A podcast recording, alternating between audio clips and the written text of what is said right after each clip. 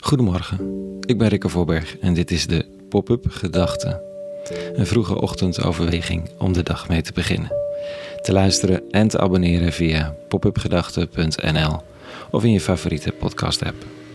Vandaag met de titel Liefde voor alles en iedereen.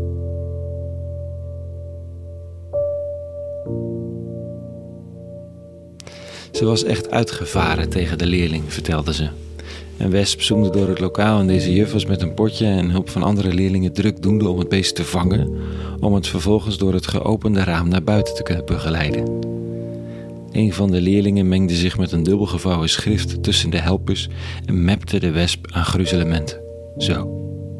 Klaar. Woest was ze geweest. Wat doe je nou?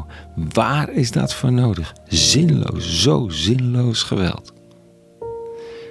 De leerling was weer bedremmeld gaan zitten. Een wesp, die sla je dood. Logisch. Niet bij deze juf. De diepe verontwaardiging kon je van haar gezicht scheppen. Nog steeds, als ze het vertelt. Liefde voor alles en iedereen. Het overvalt je soms. En ze zeggen dat je het krijgt van sommige pillen. Ik weet niet welke. En ik probeer het voor eerst nog even zonder partydrugs. Liefde voor de wesp. Juist die. Gisteren stak die me namelijk nog in mijn pols. Pijnlijke aangelegenheid, kan ik je vertellen. Liefde voor mensen. Terwijl ik heel veel mensen echt ingewikkeld vind. Of dat nu gaat over politieke populisten in eigen land, over verschrikkelijke wereldleiders ver weg, of over die mensen dichtbij die het bloed onder je nagels vandaan halen. En dan toch liefde voor alles en iedereen. Het blijft ook een mooi idee. En niet eens zo onlogisch in die end, want we leven van liefde. En die wesp, het is een kunstwerkje. Als je het dier van dichtbij zou bekijken. Belangrijk in het ecosysteem. Weet ik niet fijne van, maar ik gok van wel. En onschuldig ook nog. Kan ik ook zo naar die ander kijken, naar elk mens? Vandaag staat er dit over God in een psalm, nummer 145. De Heer is bezorgd voor ieder mens, barmhartig voor al wat hij maakte. Het zijn maar twee zinnetjes, maar ruim voldoende voor vandaag. Bezorgd voor ieder mens, ook degene die ik niet kan uitstaan. Ergens ook gelukkig zou je kunnen zeggen, is er tenminste nog iemand anders die zich bezorgd maakt over diegene, als ik het niet kan.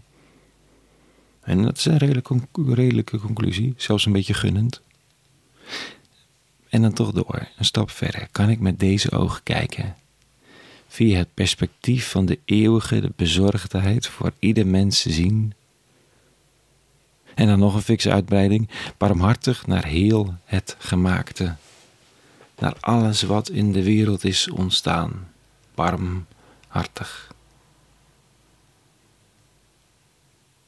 Wat een verzachting is er nodig in mijn hart om zo te kunnen kijken.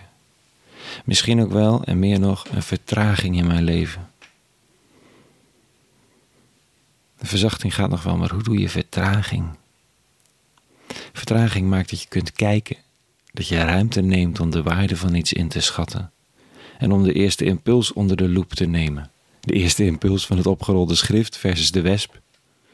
En de eerste impuls van de verontwaardiging en weerstand tegen die ander die toch echt niet zo hoeft te doen.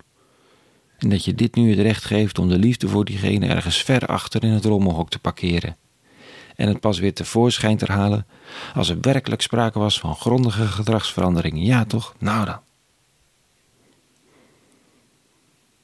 Vertraging brengt misschien wel verzachting. Zien helpt om lief te hebben, ook als iemand eigenlijk nogal ingewikkeld is. Want dat heeft een context. Oh, en diegene is gewoon überhaupt mens, liefdevol voortgebracht en beschouwd. Net als ik dat ben, in al mijn klungeligheid en onhebbelijkheid. Het zijn maar dertien woorden in twee zinnetjes vanochtend. Psalm 145. Maar genoeg om de dag mee te beginnen en ze bij te dragen. En bij me te dragen. Dus dat zover vanochtend. Meer pop-up gedachten te vinden op popupgedachten.nl De Lazarusperiode is voorbij en is droevig, maar dit gaat verder. Doe je mee? Lees, luister, deel, toneer via die site. Voor nu een hele goede maandag gewenst. Vrede en alle goeds.